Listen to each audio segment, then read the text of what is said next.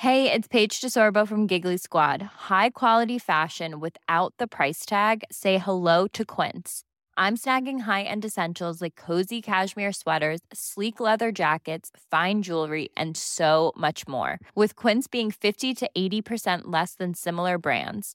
And they partner with factories that prioritize safe, ethical, and responsible manufacturing. I love that. Luxury quality within reach. Go to quince.com slash style to get free shipping and 365 day returns on your next order. Quince.com slash style.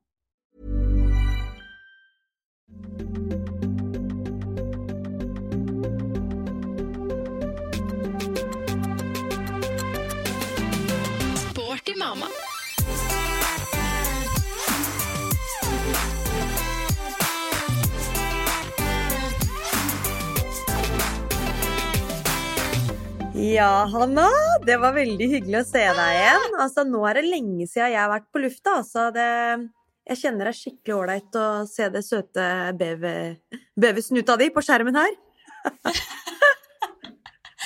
Takk det samme, Lotte. Det er så hyggelig å ha deg med her i Sporty mamma igjen. Jeg er sikker på at lytterne også har savna deg. Så det er godt at, eh, godt at du er i live. Jeg er i live, og det, ja, det har jo skjedd eh, en del siden sist. Altså, det høres ut som det har vært et eller annet som skjedd, alvorlig som har skjedd med meg når jeg sier det, men det er jo ikke det. Det er jo bare det at jeg, jeg har jo forsøkt å skru litt ned på, på jobben, da, og lade batteriene og Ja. Det er jo det som har vært fokuset. Eh, Mm. Siden det blei litt eh, hektisk før jul og gikk jo rett og slett på en eh, liten smell. Eh, så da var det greit å få, få, få ja, skrudd litt ned på jobb og sånn, og da er det jo ble jo vi enige da om at eh, du skulle holde litt alene i denne podkasten her. Ja, og det har jo gått fint takket være gjestene våre. Det hadde jo ikke vært like artig å bare høre meg sitte og prate mannskit, men eh, det gjør seg jo alltids med Sporty Mama-gjester, og da er det liksom ikke så nøye at vi er begge to, føler jeg, for da er det uansett denne gjesten som skal skinne, da. Så det kommer jo flere episoder fremover også med gjester, og ja, gjerne fortsett å eh, skrive inn til oss hvem dere vil eh, høre fra her. Ja, Så er vi åpne for de fleste, altså. absolutt. Jeg syns jo at uh, podkasten den har jo ikke vært bedre enn den er nå, den altså. Du er jo så flink, og du får jo virkelig jobbe med journalisten din i det, da. Når du driver og intervjuer og Nei, det er som du sier, veldig mye kule sporty mama som har gjesta, så jeg ser frem til flere gjester. Det blir veldig bra. Ja. Vet du hva, jeg blir så inspirert av å prate med alle de kule gjestene Mm. vi har. Det er bare sånn Ja, jeg elsker det. Det er skikkelig boost i min hverdag å snakke med andre sporty mamas. Ja, Ja, virkelig. så det er veldig artig. Gleder meg til fortsettelsen. Men altså, hvordan går det med deg nå, Lotte? Og hva har du gjort for å komme litt ovenpå Ja. igjen? Nei, jeg har ikke gjort en dritt, jeg, nei da. Ehm, ja, jeg prøver jo liksom å som sagt eh, skru litt ned på, på totalbelastninga på jobb, da. Og det har jo ikke vært så veldig lett, eh, men eh, det måtte til. Så det å prøve Mm. liksom å kanskje gi litt mer faen, da, og tenke at det er ikke all jobb som brenner så på dass til enhver tid, som man kanskje tenker seg iblant. For ettersom, altså når jeg begynte å jobbe litt mer for meg selv og portalen og litt sånn, så er det jo det vi har snakka om tidligere. Du har jo med den jobben overalt, og det er alltid noe du kan gjøre bedre. Det er alltid noe, noe jobb som kan gjøres. Men å prøve liksom å ja, ikke ha så høye forventninger kanskje, og senke krava litt, det har vært eh, viktig for meg nå, da. Så nå har det Ja, vært mer bare det å være en eh, god mor med bra med tilstedeværelse og fokus på den eh, lille og familien og den den energien jeg har hatt, har jeg prøvd liksom å å liksom ja, samle hjemme, da, på hjemmebane. Og det har vært veldig, Ja. veldig fint. Så Ellers så Altså, hva har jeg gjort? Når man prøver å gire ned, så prøver man jo også Da blir det naturlig at ikke man gjør så veldig mye òg, da. Eh, Men eh, jeg har jo vært litt på hytteturer og vært litt eh, mer med familie og fått tid til å vært enda mer med venninner. Og det er jo sånn som alltid er litt sånn energiboost. Å få den Men ikke med meg. Ikke med deg, dessverre. Det er derfor vi må planlegge nå å få møte Så vi kan få møtes i Oslo kanskje til uka. Har du andre venner enn Ja. meg, Lotte? Det er en stor fornærmelse. Det sitter litt inni den, altså.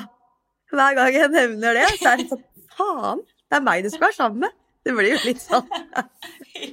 Jeg ser deg på Instagram, ser jeg bare du er med andre venninner og løper, og sånn tenkte jeg ja vel, ja. Så du har fått deg noen nye venner, du? Ja, ok. Altså, det er ikke, Ja det er ikke noe stas med hun her lenger, nei. Hun bor altfor langt ifra. Og sånn der og Ja, å flytte til Larvik. Da blir det litt avstand. Ja, Da har du deg sjøl å takke. Ja, Nei, kom deg til Oslo, så skal vi kose oss. Få flytte innover igjen. Ja, det hadde vært fint. Nei da. Men eh, ja, hytteturer og alt mulig sånn. Altså, det å være på hyttetur, det, det er liksom ikke noe som gir meg mer hvilepuls og får meg mer avkobla fra en hektisk hverdag som det, da. Det er kanskje de gangene jeg liksom ikke tenker på noe annet enn der jeg er, altså der og da, da. Å være i nuet og nyte de øyeblikka der og de Altså det å gå ute i naturen og Høres jeg ut som jeg er helt frelst her. Eh, Men eh, jeg liker veldig godt da å være ute og stå på ski og, og sånn. Det gjør noe med, med hodet og kroppen. kroppen. ja. Bare frisk luft og bare se fjell og Ja, nei, det er eh, naturen det Det er veldig fint for den mentale helsen å være utendørs. Og oppleve naturen. ja. Er en god medisin. Det er medisin. veldig god medisin, det. Ja, bare det å være borte fra skjerm Mm. og ja, både jeg og du som jobber mye på skjermen da, med disse treningsportalene, og det er jo ikke tvil om at det tar mye tid, og den jobben er tilgjengelig hele Mm. tida, så det krever at man er disiplinert, og at man klarer å skille mellom jobb og fritid Mm. også, og da er det jo ypperlig å komme seg ut i naturen, for da er det liksom ikke noe alternativ å drive og ta opp telefonen og begynne å jobbe. Absolutt ikke. Så det, det har Ja. vært veldig deilig å rømme litt vekk eh, til fjellet og sånn. Og det er som du sier, når man altså, driver for seg selv og har en treningsportal, og man også Da settes det jo krav til at man skal promotere og vise seg frem og liksom komme med kunnskapsbasert informasjon ut på sosiale medier. For folk må jo få en tiltro til at det du, det du står for, og det du gjør, og det du, det du har av kunnskap, må jo komme ut på et vis. Og jeg tror ikke folk Mhm. skjønner hvor mye jobb det er i å legge ut reels, da, eller faglige innlegg og Så altså, det var jo en periode jeg var veldig på der, og så tenker jeg sånn hm, ja, jeg har kanskje kommet fram til at mange av disse postene de koster mer enn det smaker. Det er ikke alltid responsen er like god. Eh, selv om det er Man Ja. gjør jo det for å, å inspirere og motivere, og det er jo Altså, vi elsker å gjøre det. Men det, det Mm. koster tid. Og ja, tiden også er jo viktig å på en måte ha noen tanker om hvordan man skal fordele den best mulig. For å få en best mulig hverdag og, og Ja. liv generelt, da. Så ikke alt blir jobb, jobb. Ja. Der må jeg si at du er veldig god med disse postene du legger ut på Instagram, da, for jeg ser at det er ordentlig forseggjort opplegg. Prøver. Det tar tid det der å skal filme og tekste Mm. og legge på voiceover og Herregud. Nei, der er du god. Det må jeg si. Jeg blir inspirert. Jeg burde egentlig steppe up gamet litt mer der, men eh, ja, som du sier, man må prioritere. Ja. Og så har vi litt ulike, ulike portaler, da. Du med de, dine livetreninger, Ja. og da blir det litt annen måte å promotere for det på enn det det gjør for min del, da. Så jeg syns Mm. du gjør en kjempejobb, Hanna. Vi er gode, er vi ikke det? Nei, du gjør en god jobb. Nei, du er flink. ah, nei da, men eh, det er mye jobb her i gården også. Ja. Og det jeg jobber ganske mye med nå, og det er jo Shape of Weekend, som Herregud, det begynner å nærme seg nå. Gleder meg. 7. til 9. juni skjer det. Da skal jo vi være og arrangere årets treningshelg på Vestlia Resort, Geilo. Og noe av det jeg gleder meg aller mest til, er å holde timer der. Spesielt den timen vi skal holde i lag. Nå fikk jeg gåsehud. jeg gleder meg så. Altså, ja, Shape of Weekend er jo årets happening, og kort oppsummert, da, så er det jo ei helg med masse variert trening. Alt ifra nede i kjelleren med Hanna og Lotte til løping og yoga, pilates, styrketimer, dans og foredrag, da. Alt for enhver smak. Og, ja, det er jo det. Og jeg tror kanskje at det er mange som tenker at å, for å være med på ei sånn treningshelg må man være i skikkelig god form. Men det er mange som kommer dit som knapt har trent før, men som er der for Mm. å få ny inspirasjon og motivasjon i egen hverdag. Så ja, det er en arena der man kan lære mye også, og ta med seg mye ja, Mm. ny treningsinspirasjon i egen treningshverdag og inn mot sommeren også. Så nei, det der blir så sykt bra. Og bare lokasjonen, da. Med Vestlia Resort, liksom. Det er jo det beste. Hvor du får nydelig frokost, og du får lunsj og middag og Nei, det er helt fantastisk å bo på det hotellet der. Man går i en litt sånn boble Altså, den helgen ja. der hvor det bare er eh, Nei, det er helt suverent. Og den buffeen, ja. Buffeen der, altså Det er så mye god mat, og så er det jo spa, Mm. og goodiebags, og T-skjorte fra Eida, og det er ikke måte på. Det er helt overlegent! Det er bare å melde seg på, folkens! Ja, så Ja, nå fikk jeg jo snekk inn litt reklame for det. Det er på sin plass i en Shape Up-podkast. Vi kommer uansett til å være der, og man kan sikre seg plass da på shapeupweekend.no. Ja. Men det jeg òg skulle si, var at uh, gratulerer med morsdag, som var i går. Takk i like måte, du. Veldig smooth overgang Ja. der. Fra det ene til andre. Det er sånn vi er gode på å hoppe litt her og der. Ah, Det er sånn det går. Men eh, ja, vi spiller jo inn nå på en mandag. Episoden kommer ut onsdag denne uka, og i går var det morsdag. Å, herregud, hvor koselig. Jeg blir helt varm i hjertet. Mm. Du fikk vel blomster på senga og frokost på senga og kort og diverse, du. Ja, vet du hva, jeg har jo eh, Jeg har en mann som er ganske sånn oppegående på sånne ting. Ja. Så han, eh, ja, han har varta opp med god frokost, og vi dro på kafé og spiste rosa muffins, og det var gave og kort og blomster og Ja. Så jeg føler meg veldig, veldig heldig. Men altså, jeg bryr meg jo ikke om jeg får gaver, liksom. Jeg syns jo at morsdag og alt sånn jeg syns ikke det er en arena der man skal kjøpe skikkelig dyre gaver igjen. Jeg syns det er nok med jul og bursdag, egentlig, og så er det valentine snart, og Mm. det er ikke måte på for et pengesluk det kan være, da. Ja.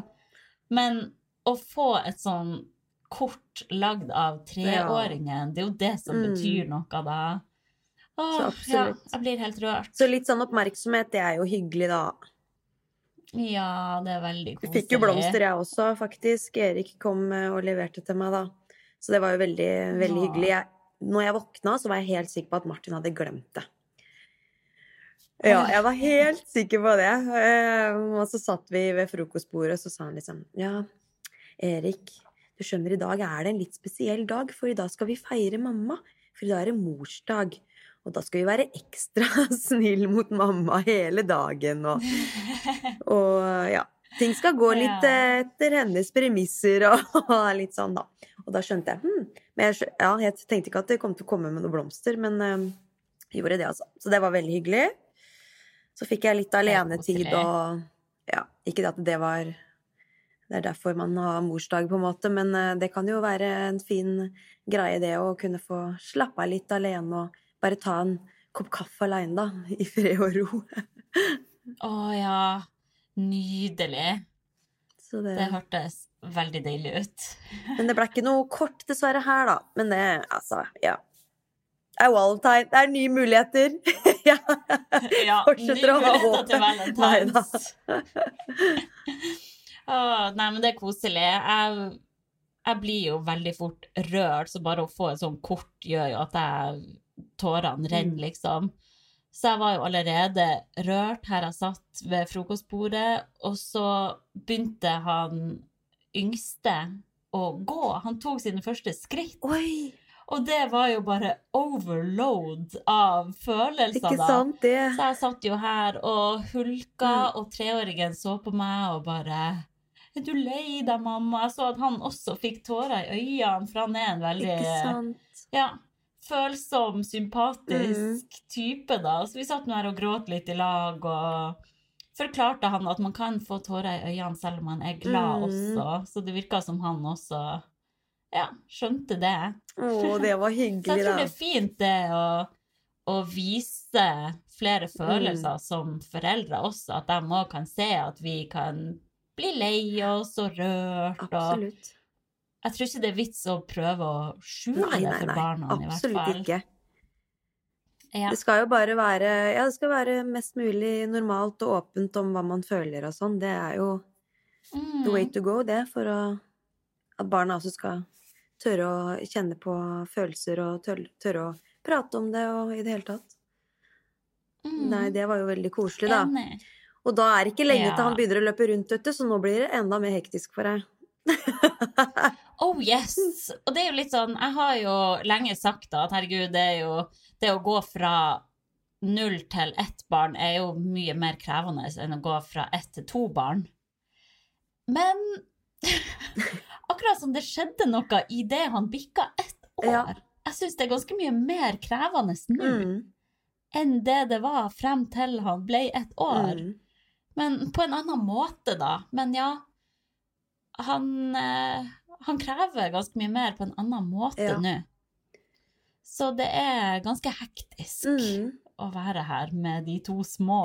Jeg er jo mye alene med begge, så jeg får jo kjørt meg, kan du si. For jeg husker jo bare sånn når Erik også ble over året, så er det jo sånn De begynner jo å få Altså, de, de begynner å få litt meninger uten at de kan uttrykke for hva de føler og ønsker. For språket er jo Mm. fremdeles ikke spot on, kan du si. Og da kan det bli Det litt frustrasjon. Altså det, det kjente jeg på, samtidig Ja. som at ting blir mye mer hektisk når de begynner å gå. Og da, skal de, da, da blir den derre Altså nysgjerrigheten, det å ta og kjenne på alt mulig, du må fly etter hele tida.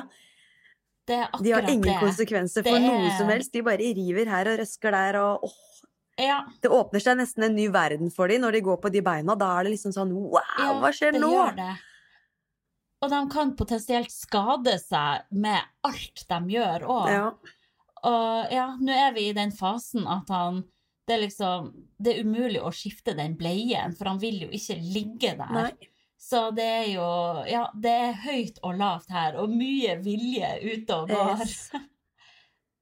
Eh, Det var ganske mye mer chill da han bare var en baby som lå der, og jeg Mm. visste at hvis han var lei seg, så var det for at han var trøtt eller sulten. Ikke sant?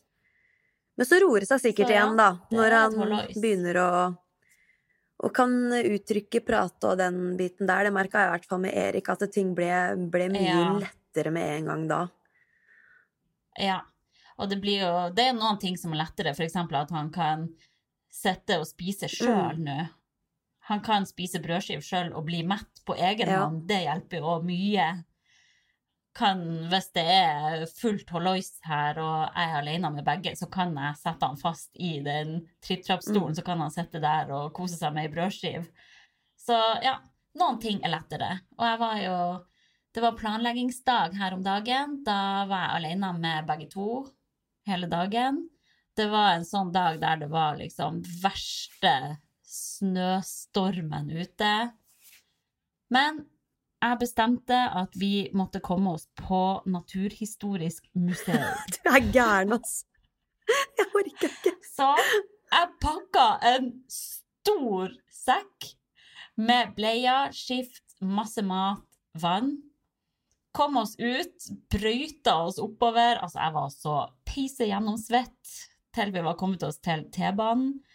Tok T-banen til Tøyen og marsjerte ut til museet. Jeg klarte selvfølgelig å gå feil i et kvarter, og ja Jeg var så svett. Men eh, vi var der og kosa oss, og ja, det er jo veldig stas for han treåringen som er dinosaurinteressert, Ja, ja, å være der det. og se disse dinosaurskjelettene og utstoppa dyrene. Mm. Og, ja, så han snakker jo fortsatt om det. Og vi kom oss hjem igjen på samme måte, og det var bare skikkelig mestringsfølelse mestring, ja. å klare det. Ja. Og skifte bleie der borte, og ja, det er jo eh, Det er ganske mye styr for å få det til. Men ja, man må liksom bare hive seg rundt og gjøre det. Ja, det, der har du gjort en god innsats også. Når du får til det der. Jeg tror nok ikke alle mammas der ute hadde valgt det en sånn type dag. Da er det bare sånn ok, vi bare må finne på ting hjemme og prøve å få dagen til å gå. Men det er jo det er jo ingen tvil om at hvis man kan få til noe sånt, så, så går jo timene raskere òg, da. Og det skjer litt mer for dem. det. Mm. Ja, og det endte jo opp med å bli en veldig innholdsrik dag for treåringen, da. Ja. Og veldig lærerikt også. Så nei, veldig glad for at jeg gjorde det. Det blir nok sikkert ikke hver dag jeg er alene med begge to at jeg gidder å dra på en sånn utflukt, men, eh, men det er jo mulig, da. Så nå begynner jeg å tenke litt sånn Å, hva skal vi finne på neste gang? Ja. Det er jo bare å hoppe på T-banen og farte. Farte Farte rundt. rundt, vet du. Alt er jo veldig tilgjengelig for dere der i Oslo. Sånn sett. Ja, Mm. ja, skulle ha bodd i Oslo, du.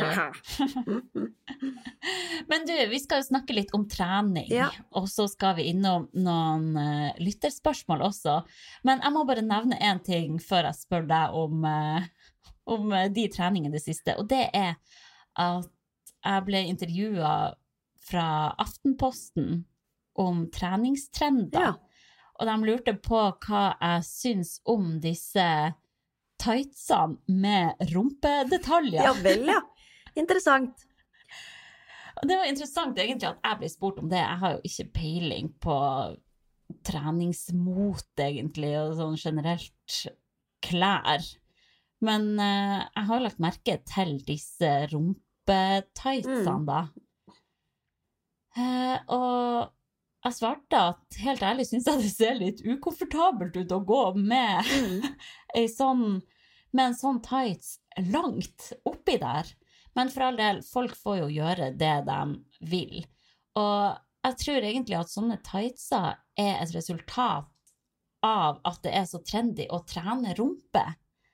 Tror ikke du det? At liksom Hvis jeg tenker tilbake sånn for ti år siden, da jeg drev og trente på det lokale gymmet i Harstad, det var liksom ikke snakk om så mye rumpe da. Nei. Men det er liksom eh, etter at Kim K Mm. og de der satte på dagsorden, så, så skal liksom alle ha ei så fyldig rumpe, da. Ja. Og trene masse rumpe. Og da tror jeg at disse tightsene også har kommet på banen for å At man Mm. vil fremheve den rumpa man driver og trener seg mot. Ja da, det kan eh, godt hende. Jeg kjenner jo Jeg til de tightsene selv. eh, Ja. Jeg har sett det en del i undervisning med elever og sånn. Mange jenter som har eh, sånne type tightser. Så jeg, Mm. jeg får jo med meg litt av det som er av trend. For de går jo, hvis vi har en styrkeøkt i treningsrommet for eksempel, da, på skolen, Mm. så går det jo mm, helt sikkert med det samme som de går med på treningsstudio, da. Bare det er ikke lov til å ha på seg sports-BH i timene. Du må liksom ha en singlet eller T-skjorte. ja, ok. Så jeg vet ikke om de går Nei. med noe enda mer vågalt, men jeg har sett de tightsene. Ja, ja, for jeg ser jo mange på studio her som går i disse tightsene, gjerne i en shorts-variant og bare en BH, da. Ja. Eh, så det virker som at det har skjedd ei Mm. endring sånn i, eh, i bekledninga Ja, ja. på gymmet, da. Er Jeg kan liksom ikke, jeg kan ikke huske at folk er kledd sånn bare for noen år siden. Nei. Det har blitt mer og mer trendy, liksom. Ja. Før så var det Så vel ja, var det det er Gymshark som hadde sånn type bekledning sånn helt i starten. ja, det var det vel. Og så syns, var det litt sånn todelt. Mange syntes jo det var griseharry, for Gymshark er liksom Ja. Hva skal man si? Jeg Skal ikke nevne så mye om det, men jeg- ja. Den, det trekkes jo til eh, kanskje en type gruppe, da. Mennesker som har litt mer sånn estetiske målsetninger, litt mer sånn fitnessbransjen. Mm. eh, og den slags. Eh, Og så har det bare blitt flere og flere treningsmerker som har valgt å lage sånn type klær som fremhever formene, da. Og så har det blitt mer og mer Ja. trendy av den grunn. Og så er det helt ikke sånn som du sier med, med Kardashians og sånn, at det blir litt ekstra hype av det. Jeg tror kanskje det. Ja. Og så er jeg jo så todelt på det der, for på ene sida så skjønner jeg at det kan være ganske krevende hvis man er helt ny på trening og kommer inn på et studio, og så er folk der halvnaken og bare står og pumper rumpe, liksom. Ja. Eh, Jeg skjønner at det brått kan eh, oppfattes som en arena der ikke alle kan føle seg hjemme, Ja. da. Eh, Men samtidig så syns jeg jo at folk skal få gå kledd akkurat som de sjøl Mm. vil. Det plager ikke meg at det er ei halvnaken jente borti kroken der og jobber med rumpa, liksom. Nei. Det, Men ja, det en det er likevel bare litt sånn fascinerende, og også bare med tanke med samfunnet, og at eh, Altså, du blir jo ikke, håper å si, krenka av det, eller at du liksom føler noe ubehag ved det, for du står jo så trygt i hvem du er, og, og også sånn i det hele tatt, da. Selvbilde og selvfølelse og alt. Mens for disse unge jentene der ute, da, som ikke helt Kanskje ikke trives like godt Ja. i egen kropp, eller har opparbeida seg ja, den selvtilliten rundt trening og selvfølelse, selvbilde og alt sånn, kan jo Mm. fort bli bli påvirka negativt, kanskje, av veldig mye sånn Ja, lite klær, som kan bidra til litt Mm, uheldig kroppspress, blant annet. ja. Så det er nok ikke bare ja, positivt. definitivt. Nei, jeg tror nok ikke det. Og jeg husker jo før så var det jo en sånn eh, evig debatt om det var lov å trene i singlet Ja. eller ikke. Men det virker som den debatten er helt Mm. ute. Nå er det vel mer snakk om det er lov å trene bare i bh eller ikke. Så det blir liksom bare blir mindre og mindre. mindre. Neste blir vel om ja. Neste blir vel at man står der bare i stringen. Er det Ja. lov å trene i string, eller må jeg ha ei truse som dekker rumpeballene litt mer? Fy søren, altså. Og en annen trend som jeg ble eh, obs på da, eh, som denne Aftenposten-journalisten nevnte for meg, det var at guttene trener i slippers. Ja, ja, ja. Det gjør det på Sandvika òg, skjønner du, når jeg har styrketrening. Da flyr Gjør rundt det eh, slippers. altså? Det har helt ærlig ikke jeg lagt noe merke til, men eh, det er jo interessant. Og da går de rundt bare i sånne slippers, Mm. men så tar de det vel av seg når de skal kjøre. De står ikke og løfter tunge knebøy Nei. i sånne slippers. Nei.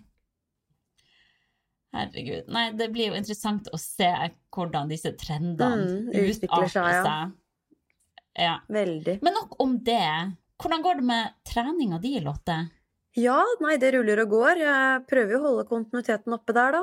Jeg følte meg jo veldig motivert når året starta, for da hadde jeg hatt en periode rundt juletider hvor det var eh, mye alternativt, så jeg var jo, var jo er jo fremdeles motivert, og det er jo klart at eh, det å Altså når man Nå følger jo jeg et program, og det gjør jo at jeg også klarer å holde kontinuiteten bedre.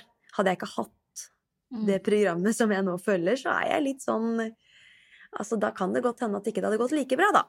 Hvis du hadde spurt. Men Mm. Jeg syns jo at eh, siden oppstarten i januar at det har gått eh, veldig fint. Eh, men jeg må ha trent Jeg har, har trent ganske Altså, jeg kan ikke ha fulgt det programmet til punkt og prikke, fordi jeg må ha trent en del rundt eh, øvelsesutvalg og, og oppsett og i det hele tatt, for det Nå skal du høre her, for før, eh, eller i starten av året, så ja, var jeg så heldig og Jeg sklei på en gymvest og gikk rett i spagaten i undervisning. Nei. Jo da. Inne på utstyrsrommet så lå det? ei lita gul, stygg gymvest, og den klarte jeg å overse, så jeg sklei Nei, på den. nei. Rett ut i splitt. Og bare tenkte fy faen, hva skjer her nå? Jeg ryker hele hamstringen, eller hva? Altså, den smerten som bare traff Altså, bare i det sekundet jeg var liksom litt ute i splitt, så kjente jeg den smerten så slukt. Og jeg bare tenkte nei, nei, nei, nei, nei, nei. Så jeg, ja, jeg ble jo liggende der da og bare Det var så ekstreme smerter, så jeg måtte bare ligge der litt grann, og levende ble, ble i trynet. Hva er det som skjer, Lotte? Jeg bare nei, nå skal jeg fortelle dere at jeg har hatt tidligere en uh, ruptur i hamstring, og den har vært bra no, noen år nå, altså, så med noen unntak her og der hvor den har uh, vært litt irritert, men nå satt jeg på den største strekken jeg noen gang har opplevd. Så nå vet jeg ikke om jeg har uh, hva som har skjedd, liksom.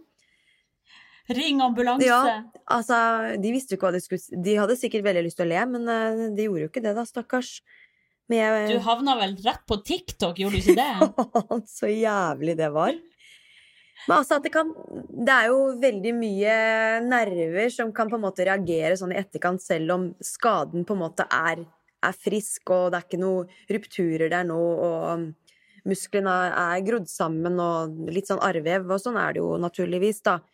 Men det er, de, det er et alarmsystem av nerver som bare hugger til med en gang jeg, de blir satt på strekk i Eller hamstringer blir satt på strekk i mm. situasjoner hvor man ikke er klar over det selv, da. Ja. Så bare som kommer som en sånn overraskelse der og da. Så det, det, var helt ekstremt. Og den strekken den har jeg hatt med meg siden, da.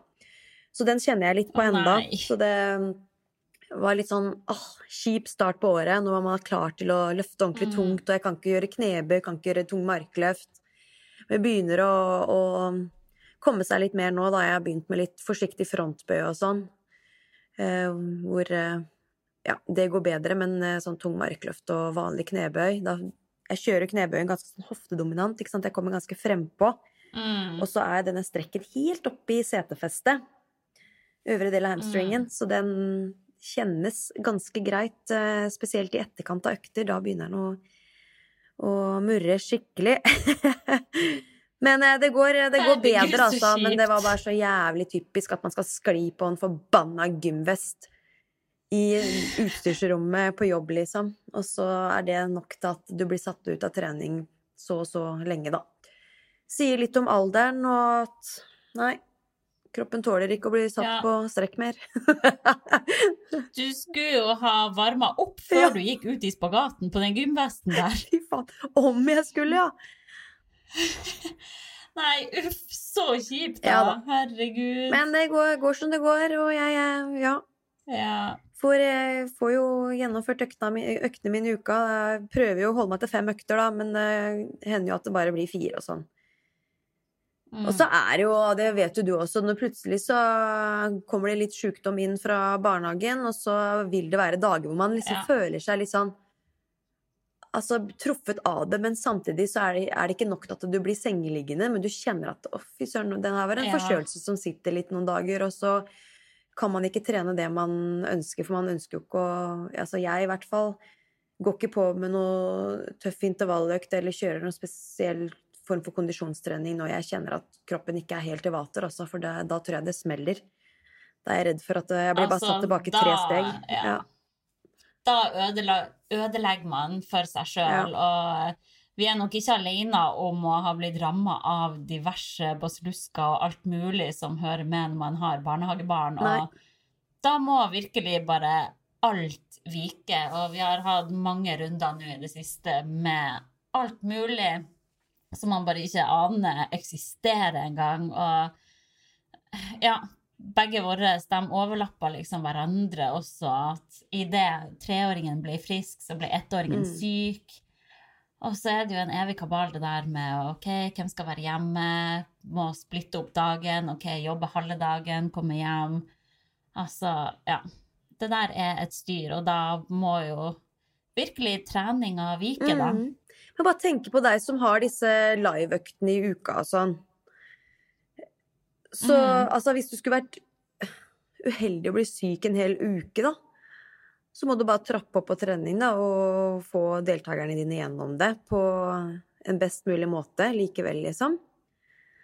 Ja, men det, det er ikke økter som er live-live. Det er Det skjønner jeg, men du må jo spille de inn på et meg, tidspunkt, men... og jeg regner ikke med at du spiller ja, ja, ja. inn 15 økter så du har Nei, det gjør jeg jo ikke. Nei.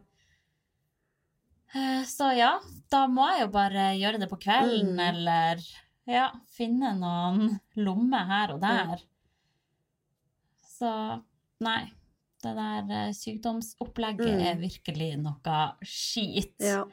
Men eh, ja, jeg har jo òg Jeg føler egentlig, til tross for mye sykdom, så er jeg inne i en ganske sånn fin treningsflyt. Og det er mye takket være at jeg har som mål å bare få trent. Mm. Og jeg trener mye hjemmefra. Jeg kjører de Ja, jeg trener det opplegget jeg har i portalen min også. Ja. Og det er jo mye ja, korte, effektive økter man gjør hjemmefra. Mm. Og det holder for meg nå. Det er nok til å gi meg godfølelse Mm. og overskudd og til å føle meg sterk. Og så er det en luksus her og der å få komme seg på gymmen. Mm. Så gjør det iblant, da. Men da igjen, da er jeg jo den personen som stiller meg i et hjørne og kjører på med en av disse quick fix-øktene mine, bare med noen kettlebells eller thrusters eller noe sånt. Eh, For det må likevel skje kjapt, for jeg har ganske mange baller i lufta og Mm. mye som skjer, så ja, det er liksom Jeg trener ikke lenger enn 30 minutter av gangen. Nei. Det, det er no chance, egentlig. Ja. Men det er så mye bedre enn ingenting. Men sånn som i dag, så har jeg fått meg en løpetur ute i snøen. Og ja, det er jo ganske hardt å motivere seg til det når man står opp, det, snøen laver ned, og det er mørkt og kaldt. Og... Men man må bare ikke tenke så mye. Bare få på skoen, putte på noe god musikk og la beina gå. Ja. Det er så deilig Ja, etterpå. det er helt nydelig. Men det snør i Oslo, ja. Det snør i Oslo. Ordentlig julestemning her.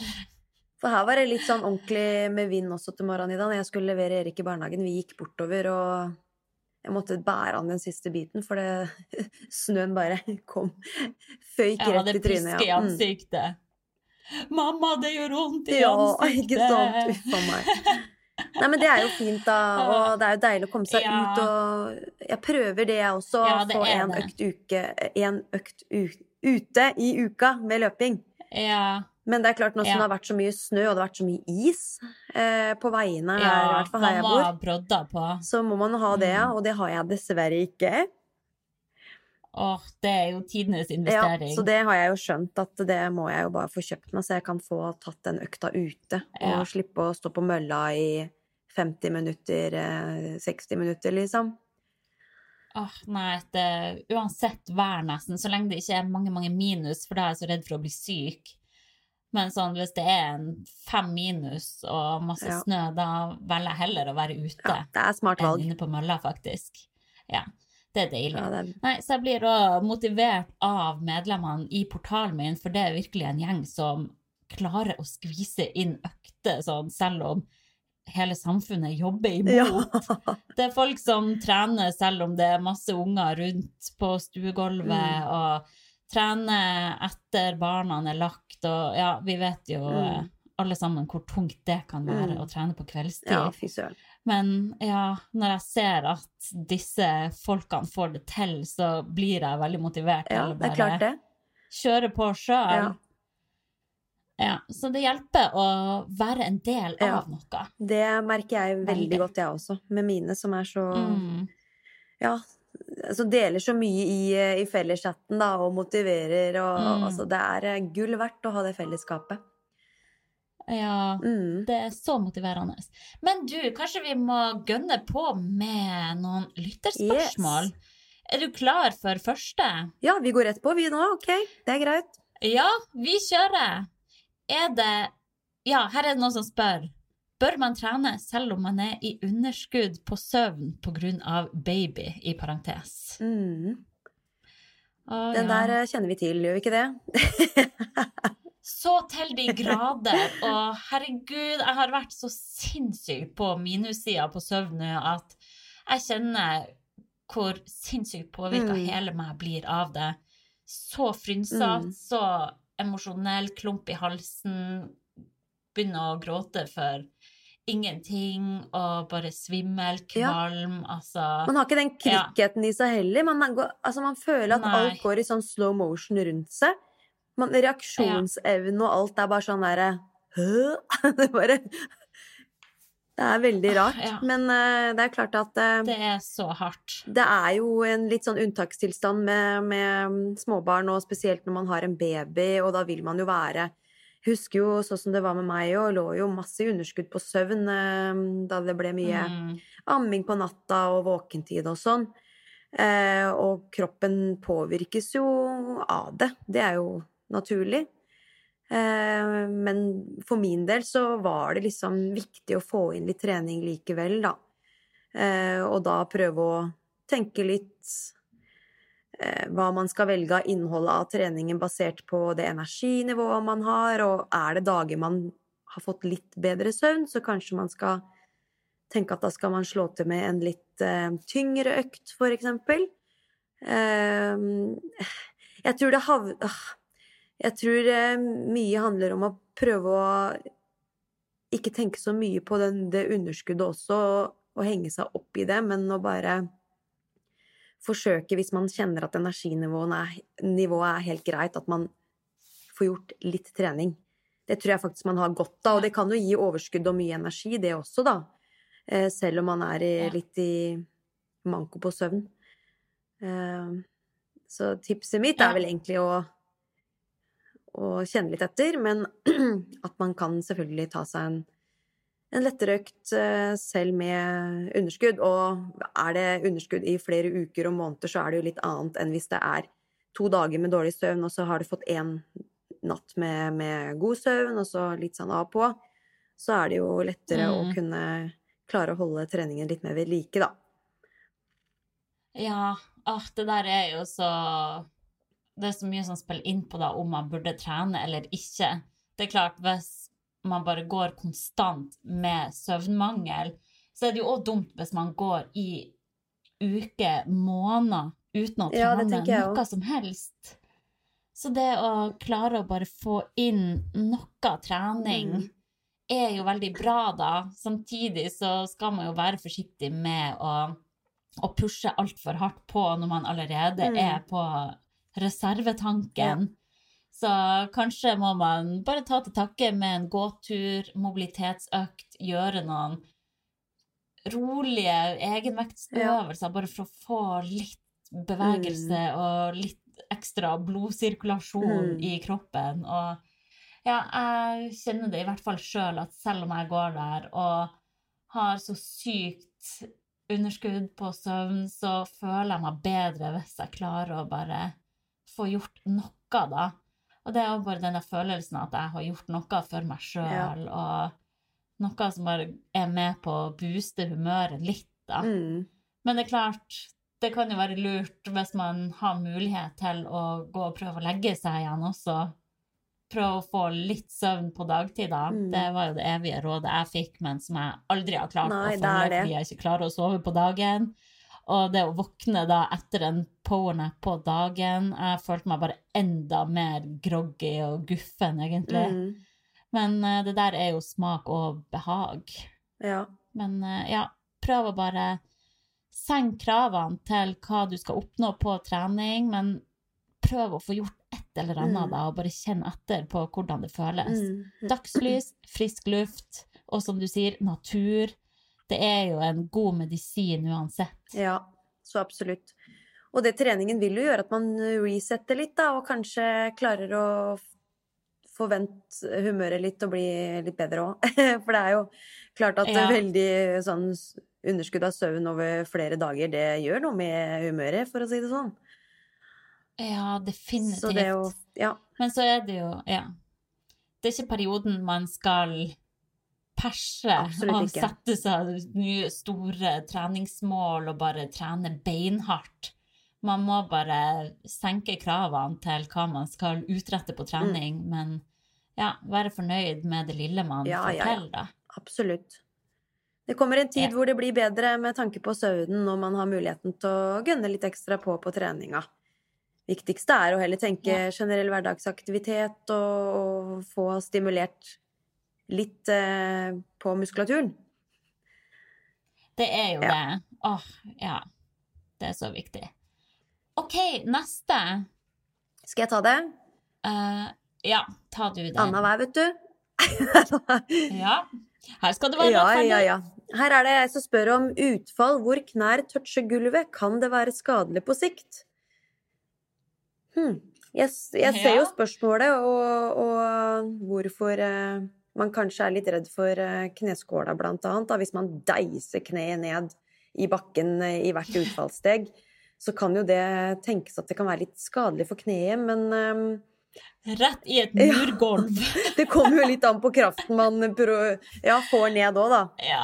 Selvfølgelig for Ja. om det er skadelig eller ikke, men uh, hvis man skal se den øvelsen sånn retta mot uh, crossfit, da, som jeg trener, så er det faktisk sånn at skal man få en godkjent repetisjon i utfallssteget sitt, så må man touche med kneet i bakken eh, før man går opp Mm. og strekker ut i hofta. Det er liksom bevegelsesbanen, og ja. Jeg eh, selv så, så deisa jeg knærne litt nedi når jeg gjør utfall. Ikke veldig hardt, nå har jeg jo sånne knevarmer òg, som gir jo litt polstring over kneet. ja. Men eh, altså, jeg kan ikke tenke meg at det er noe skadelig, med mindre man altså deise for hardt ned, da, og sånn. jeg har jo ja. Nei, jeg bruker også ja. Jeg har jo vært borti en eh, faktisk eh, en person som eh, jeg trente i en sammenheng, hvor personen rett og slett fikk kneskåla ut av ledd i et utfallssteg. Oi. Og det er jo Det hører jo til sjeldenheten, liksom. Og så Jeg fikk jo ikke sett hva som var Altså hvor, hvor hardt det deisa ned, men eh, Ja, da Det var i hvert fall en person som fikk flytta litt på kneskåla si, kan du si, da. Ved, og det var nok et litt sånn Mm. halvt hardt utfallssteg. For kneet skal jo tåle en del, men eh, ellers så var det bare maks uflaks og en person som har litt lett for at ting går ut av ledd. Ikke vet jeg. Men eh, det var ikke noe særlig. Men det var ikke det som ble spurt om her. Jeg måtte bare nevne det, for jeg kom på det i farta.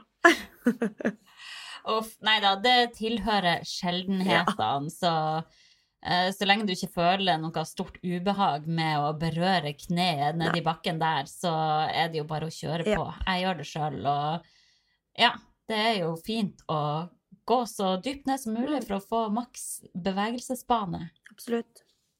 Ok, her er det da noen som spør, har dere ei go-to-økt på etter dager av trening?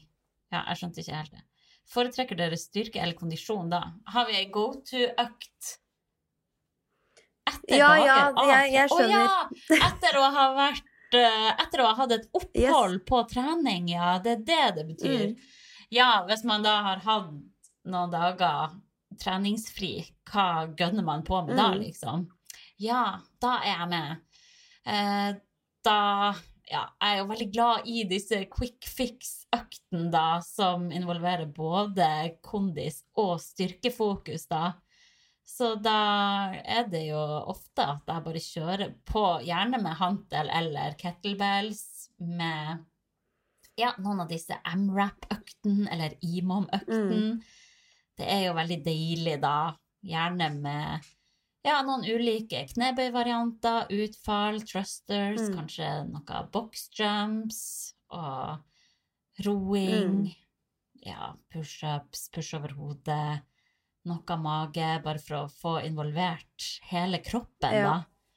Og ja, det er jo mye pust og pes der og da, men det bare er så Mm. deilig etterpå. Det er nydelig. Og det er så effektivt. Og hvis jeg er hjemme, da, så er jeg veldig glad i disse Shape Up Tabata-øktene, som er helt utstyrsfri, som man bare kan kjøre på med hvor enn man måtte befinne seg. Mm. Det jo Da jobber man 20 sekunder på og 10 sekunder av. Ja. Eh, så det er jo eh, veldig effektivt. Da må man velge øvelser som kjennes godt, da. Ja. Det nytter ikke å stå og trene biceps curl i 20 sekunder, liksom. Men hvis man jobber med ja, type burpees, hoppende utfall, x-jumps, Mm. skøytehopp Ting som skaper litt Ja. puls, da. ja, Mm. da får man gjort mye på kort Mm. tid. Og det er jo Det en er jo en fin evig eh, sånn oppstartsøkt hvis man har vært, hatt et langt opphold og kanskje at det er litt motiverende å ha litt kortere arbeidsperioder. eh. Selv om pausen blir korte, så er det jo i hvert fall kort tid å mobilisere krefter på, da, på de 2010-intervallene. Men det er jo sånn Ja. som du også Vi er jo ganske like der, at det blir jo som regel en typ sånn økt hvor man får inn eh, Får inn litt ulike bevegelsesbaner som stimulerer eh, flest mulig muskelgrupper, da. Eh, både Ja. noe på, på pressmuskulatur og noe på dramuskulatur, og så tenke at man kanskje skal ha en eh, øvelse som er såkalt knedominant, som er typisk knebøy og utfall, eh, og én Mm. til to hoftedominante øvelser som kan være typisk markløftsvarianter eller kettlebellsving, og så gjerne legge inn mage også. Jeg er sånn typisk sånn Det Mm. kan For min del så vil det være da en IMOM på en 30-40 minutter hvor jeg bare jobber meg gjennom de ulike bevegelsesbanene der, og Ja. kjenner litt på pust, puls, samtidig som jeg også legger på litt vekter, så det setter krav til at jeg må trøkke litt til eh, muskulært sett, da. Så det er, jeg, Mm. det er litt sånn go to for meg, sånn oppstartsøkt. Ja. Ja, og så er det veldig motiverende det med imam. Det, for noen kan det jo høres ut som vi snakker gresk Ja. Imam og amrap og eh, alskens mulige ord. Eh, men eh, ja, vi trenger ikke å gå ordentlig inn på hva det betyr. Men det er jo, vi snakker jo om forskjellige oppsett Mm. for ulike økter, da. Og jeg syns bare det er veldig motiverende å trykke start på timeren og vite at OK, nå skal bare den rulle og gå i 24 minutter, for eksempel. Og jeg skal bare prøve å ikke tenke så mye, bare sone ut, Ja. la det flyte. Jeg vet Mm. akkurat hva jeg skal gjøre.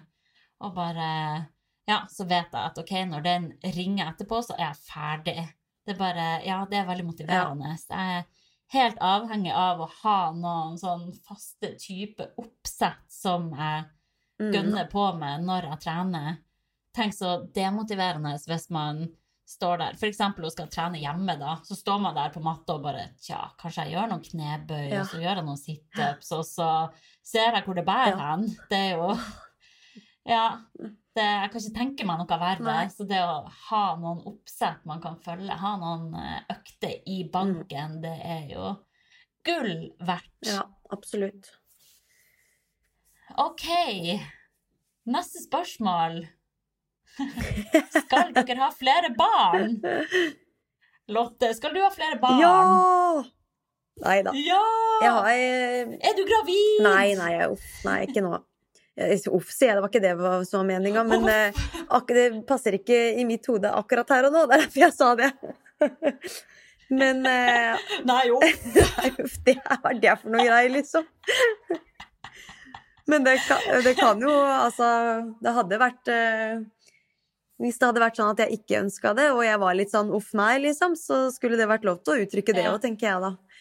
For det er jo ikke gitt at alle har lyst til å ha flere barn. Selv om man har ett barn, så skal det ikke være sånn at det skal være pålagt at man skal føle press om å måtte få flere. Men eh, Nei, på ingen som helst måte. Nei.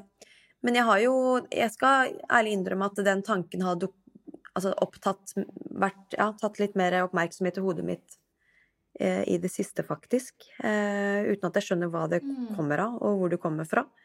Men Rart det der. det er så rart. Kanskje Ut ja, av intet. Plutselig så er man liksom Ja, litt gira igjen, da. Og, Mm. ja. Så tanken Ja, av, ja, av å kunne få et barn til, den eh, Ja, jeg blir veldig varm i hjertet mitt, og jeg blir veldig glad å tenke det, da. Så jeg håper jo det at Ja. det At jeg kanskje skal få oppleve det, da. Men når, det vet jeg ikke helt. Mm.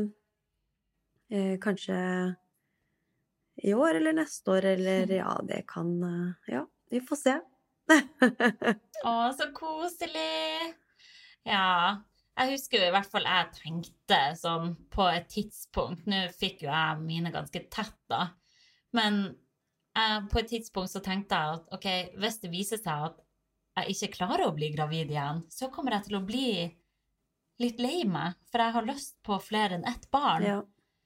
Så da tenkte jeg at ok, la oss bare se hva som skjer. la, la skjebnen bestemme Og så skjedde det jo med en gang, da. Ja. Så det skjedde jo litt tidligere for min del enn Mm. det jeg så for meg, da. Men eh, ja, jeg er jo veldig glad for det. Ja, det er klart det. Ja. Men eh, spørsmålet her er om du skal ha flere, da. Det har du ikke svart på ennå. Om jeg skal ha flere, ja. Altså, jeg har jo sagt tidligere at jeg drømmer om tre barn, da. Men så må jeg jo innrømme at nå er det jævlig intenst med de to jeg har. Jeg er mye alene med begge to. Det er veldig krevende. Det er liksom Jeg har ikke tid å tisse sjøl. Ja. Når du sier det nå, så blir man Så ja. jeg klarer ikke å forestille meg hvordan jeg skulle ha gjort det med tre. Samtidig, tanken på å ha min egen gjeng med tre barn er veldig koselig da. Så Nei, det blir ikke med det første, men jeg skal ikke utelukke det helt heller. Nei. En gang i framtida. Føler jeg fortsatt har litt tid. ja. Nei, jeg trekker tilbake. Jeg vil bare ha ett barn jeg nå, etter at jeg hørte på deg. Jeg vil tisse i fred! Nei da, jeg skjønner det. At uh, det er jo da. Altså, mange mener jo at eh, overgangen og det sjokket, store sjokket i livet, kan du si, da, på godt og vondt, det er jo Eller mest godt, selvfølgelig. Eh, er jo å gå fra null til én. Ja, Men eh, det er jo det.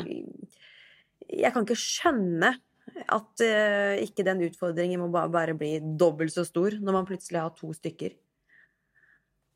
Ja, jeg syns jo i hvert fall den alderen de er i nå, når de er tre og ett For de lever på så to ulike planeter. De Ja. har helt ulike behov, men trenger foreldrene sine så mye likevel. Men så er det jo igjen alle disse fine øyeblikkene der de plutselig leker i lag, de flirer av hverandre, og de er jo i samme barnehage, de møter hverandre der, de hadde gitt hverandre en klem i barnehagen. Oh. Da blir jeg jo bare helt sånn Jeg smelter jo. Ja, selvfølgelig. Ja, så det er jo verdt det, selvfølgelig. Ja. Men det er intenst. Ja. Det må jeg si. Så nei, vi får se hva det blir til da, Hanna. Ja. Du vet hva som må gjøres. Ja. Men jeg liksom har tenkt nå, da eh, den, eh, Nå møter vi jo snart våren og sommeren og litt sånn, så har jeg liksom tenkt at det er jo veldig godt å å ikke gå inn i de månedene der og være gravid, da. Nå er det jo sånn at man kan jo ikke bestemme ting. Det høres ut som jeg liksom skal shoppe og velge når jeg selv skal bli gravid. Det er ikke det det handler om. Men um, um, man har jo alltid Man ser jo alltid Man prøver jo veldig mange i hvert fall prøver liksom å tenke ut en liten plan for når det kunne passe seg litt bedre enn når det ikke passer seg Ja. like godt, da. Eh, Ja. Så det å bli liksom gravid etter sommerstid eh, hadde vært eh, da, da har ting klaffa etter hva, hva jeg ser Hvordan jeg ser ting i hodet mitt nå, da, i hvert Mm. fall. Mm. Men her, vi skal være to om det òg, da, og jeg, Ja. må, jeg må høre med han hjemme først. Ja, det var det, da. Du får avtale litt med han der hjemme. Ja. Nei, men, men man vil jo aldri føle at det passer 100% heller. Eller for noen gjør det jo kanskje det, men jeg husker jo at jeg sa til mannen min bare Åh, ja, det hadde jo vært hyggelig, men please, gi meg bare én sommer Mm. der jeg bare er litt meg sjøl og kommer meg litt ovenpå igjen. Mm. Eh, men eh, ja, da var det jo allerede skjedd da jeg gikk og sa det. Ja. Så det var jo Men har du liksom tenkt på, med tanke på eldstemann, at eh, før du ble gravid og sånn Eller nå kom jo det ganske fort, da. Men eh, jeg tenker jo litt sånn eh, med Erik nå at eh, Og han fortjener liksom vår fulle og hele oppmerksomhet til enhver tid. Litt til, da, før det, ting Mm. endrer seg, og man plutselig skal dele oppmerksomheten med enda en. Jeg bare Ja. Ja. Det er jo litt utfordrende for storesøsken, det også, å dele den oppmerksomheten. Og hvis man er veldig liten også når det skjer, da, sånn som toårsalderen eller treårsalderen, det har jo funka helt Mm. fint, men det er jo, de er jo så små ennå, og de skjønner ikke så mye, da. Nei. Nei. Nei, jeg syns jo at det har vært beintøft, og fortsatt er det. Ja.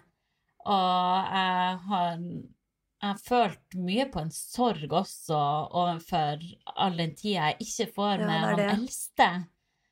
Og han Det er så ofte at han har lyst til å bare være med meg. Han har lyst han går og henter ei bok og setter seg i sofaen vil at vi skal lese, men så har jeg ikke mulighet til det fordi jeg må ta han yngste. Så jeg føler at jeg veldig ofte må si nei til han eldste, og det syns jeg er ganske sårt. For jeg har jo også så lyst til å bare ha masse tid med han også. Det er jo noe av det beste jeg vet, er jo å henge med han og prate Mm. og ja. Han er så kul og artig å henge med. Ja. Um, så nei, jeg syns det er tøft og krevende. Ja. Så det er jo positive og negative sider med det. Mm. Han er jo der at han knapt husker et liv uten å ha lillebroren i familien. Så det er jo sånn han er vant til å ha det, og jeg tror at han også har godt av å dele litt på den oppmerksomheten, for jeg ser jo sjøl hvor sinnssykt mye jeg har dulla med han eldste, da, og stått klar til tjeneste på 0,9 Hei, hei, Captain. uansett. Jepp! Uansett hva det måtte gjelde, så har jeg liksom vært 100% disponibel der. Men jeg tror kanskje at det er sunt også at de lærer seg å dele litt den oppmerksomheten med foreldrene, og lære seg å bli litt selvstendig, lære seg å vente på tur. Ja, Åpenbart. så ja. Men eh, det er virkelig ikke bare en dans på roser å ha to. Nei, det, Det må jeg si. Det, Men eh, jeg ville jo aldri ha vært foruten heller, og det er jo Jeg vet jo at det kommer til å bli så bra på sikt også, jo eldre de blir og kan leke mer med hverandre og få mer glede av hverandre. ja. Så nei, man må gi og ta litt her. ja. OK! Tankekjøret vi går. har Herregud. Lotte, vi skravler Ja. jo som en gal her. Vi får ta de siste to spørsmålene i rasende fart. ja, det kan vi gjøre. Det er noen som spør Trives du, Lotte, der du bor nå? Ja. Altså i Larvik? Ser ikke sånn ut? Nei da. Nei! Kom hit! Jo, ja, vi trives kjempegodt. Det er jo Jeg bor jo i Larvik, og det er jo byen jeg kommer fra, da. Eh, Jeg har jo bodd i Stavern i store deler av livet mitt, så det er jo Jeg visste jo på, på et vis hva jeg gikk til. I den forstand at eh, familien min er her, og jeg har jo nettverket mitt her, og jeg er jo godt kjent med byen Mm. sånn sett. Eh, Så ja, vi Mm. stortrives, og trives veldig godt i huset og i det hele tatt, da, så jeg angrer absolutt ikke. Eh, men når jeg tenker liksom tilbake på tiden i Oslo og sånn, så Og i hvert fall spesielt de gangene, det har ikke skjedd veldig ofte, men de gangene jeg har kjørt forbi Bjølsen-området, da, fordi jeg kanskje skal på Egmont hus og Ja. podde med deg, eller hva det måtte være. Og spesielt har jeg kjørt forbi leiligheten og sånn. Åh, det er skikkelig Det er ordentlig vanskelig. Det er skikkelig sårt, for det jeg var liksom ikke ferdig med Oslo. Jeg var ikke ferdig med byen der i det hele tatt, egentlig. Nei. Det var bare å komme opp en mulighet som ikke man kunne la gå, på en måte. ja. Så hadde jo, vi hadde jo ingen planer om å egentlig snu oss så fort rundt og faktisk eh, flytte så tidlig. Vi kunne godt tenkt oss å vente noen år til, vi. Men eh, sånn blei det ikke, da. Mm. Og, men absolutt, stortrives. Det er hovedsvaret her. Å ja. Nei, men det er så fint også i det området der dere Ja. og du hadde jo Voldsløkka rett Mm. ved, og hadde alle disse gode øktene dine der, Ja og Ja, jeg elsker Oslo, jeg Mm. også. Åh. Ja. Den tilgjengeligheten okay, til alt er jo på. helt magisk, som man har i Oslo. Men det er jo klart at ja, hvis du skal det. se liksom sånn hvor, hvordan ting er med tanke på natur og, og sånn, så er jo det ja. Her er jo nærheten til sjøen og Ja. Det er eh, mye bedre på, på den fronten, da, enn å bo midt i Oslo. Sånn ja. tenker i hvert fall jeg det nå. Og når jeg ser så godt Erik trives, da, både her og rundt om og barnehagen og alt, så gjør jo det at det er eh, ekstra godt. Ja, det skjønner jeg så godt. Mm. Siste spørsmål. Men ok, du, jeg ser jo bare at tida flyr her. Ok, siste spørsmål for i dag. Hvordan klarer to unger alene på natta hvis mannen er borte? Ja. Eller partner, eller hva det man måtte ha? Nei, altså eh, Hvordan klare det? Man har jo ikke noe valg, da. Nei, det er det. Jeg er jo mye alene på, ja, på natta også, med begge to, og man har ikke noe annet valg enn å stå opp for de små. De trenger deg, og den søvnen blir bortprioritert. Sånn er det bare, og det er beintungt. Mm. Jeg har ikke noe bra tips annet enn å drikke masse kaffe og legge seg senest klokka ni på kvelden for å bare prøve å få de timene med søvn man kan få. Men det er klart, de to har en tendens til å overlappe hverandre litt. At når endelig den ene sovner, så står den andre opp. Mm. Så ja, man Mm. blir jo totalt zombie. Ja. Man må bare holde ut og satse på bedre tider, Ja. egentlig. Men eh, ja. Jeg har ikke noe bra tips. Nei, og hvis det går Det er tungt, Nei, jeg sånn er aner jo ikke, jeg kan jo ikke relatere. Jeg bare tenker at hvis det hadde vært meg, og det hadde vært veldig mange netter som hadde vært ordentlig krevende, da, uten mannen Mm. i hus, så Altså, og de sover på hvert sitt rom, eh, så hadde jeg kanskje, altså i verste fall, tatt begge to i egen seng, da. Og ligge der med begge to. Hvis det er det som skal til da, for å få, få bedre søvn om natta, så hadde jeg faktisk eh, ikke vært så prinsippfast når det kommer til at ungene skal ligge i egne senger eh, gjennom hele natta, Ja. og du skal sitte på den ene stolen der, og skal du synge der, skal du plutselig over på, andre, på det andre rommet og gjøre tilsvarende samme, at du bare flyr, flyr frem og tilbake, da. Ja. Nei, man må gjøre det som funker Ja, best. Her funker det best for meg å ha dem, ha dem begge to i egen seng, egentlig. Ja. Eh, hvis de er oppe i eh, den store dobbeltsenga, så kaver de bare rundt og Ja. vil kødde og leke og Ja. Mm. Men så er det jo det å kanskje be om hjelp, da, hvis man har noen tilgjengelig som kan være med og avlaste litt, da. Ja. Kanskje er det så ille at man må ta seg en fridag fra jobb for å prøve å sove mens de er i barnehagen. Absolutt, hvis det er skikkelig ja. krevende, så ja. Mm. Nei, det hørtes eh, Så ja. slitsomt ut. Uff a meg. Det er heftig, men man klarer det meste. Ja. Det blir bedre. Vi er noen supermammas også, alle mann. Eller alle mann, alle er damer, noen- blir det. Ja. Vi er noen store superhelter. Ja. Det er det ikke tvil om, i hvert fall. Åh, ja. Men du, det her var en veldig hyggelig prat. Fint å ha deg tilbake i I like måte. Det var veldig uvant, men uh, veldig fint. Veldig Veldig uvant. fint. Du er klar over at Sporty Mama fyller to år snart? Tenk på det. Da må vi feire, da. Det må vi feire. Da skal vi sprette sjampisen. Det syns jeg vi må. Så vent litt med å bli gravid, da. Ja da. Slapp av. Slapp av nå. Det går bra. Ah, Neimen, så bra! Vi får høres igjen neste uke, Ja. kjære lytter. Det gjør vi. Og takk for at akkurat du hørte på akkurat oss. akkurat oss I Sporty mamma. Ha det bra! i Sporty Mamma. Ha det! Sporty mamma.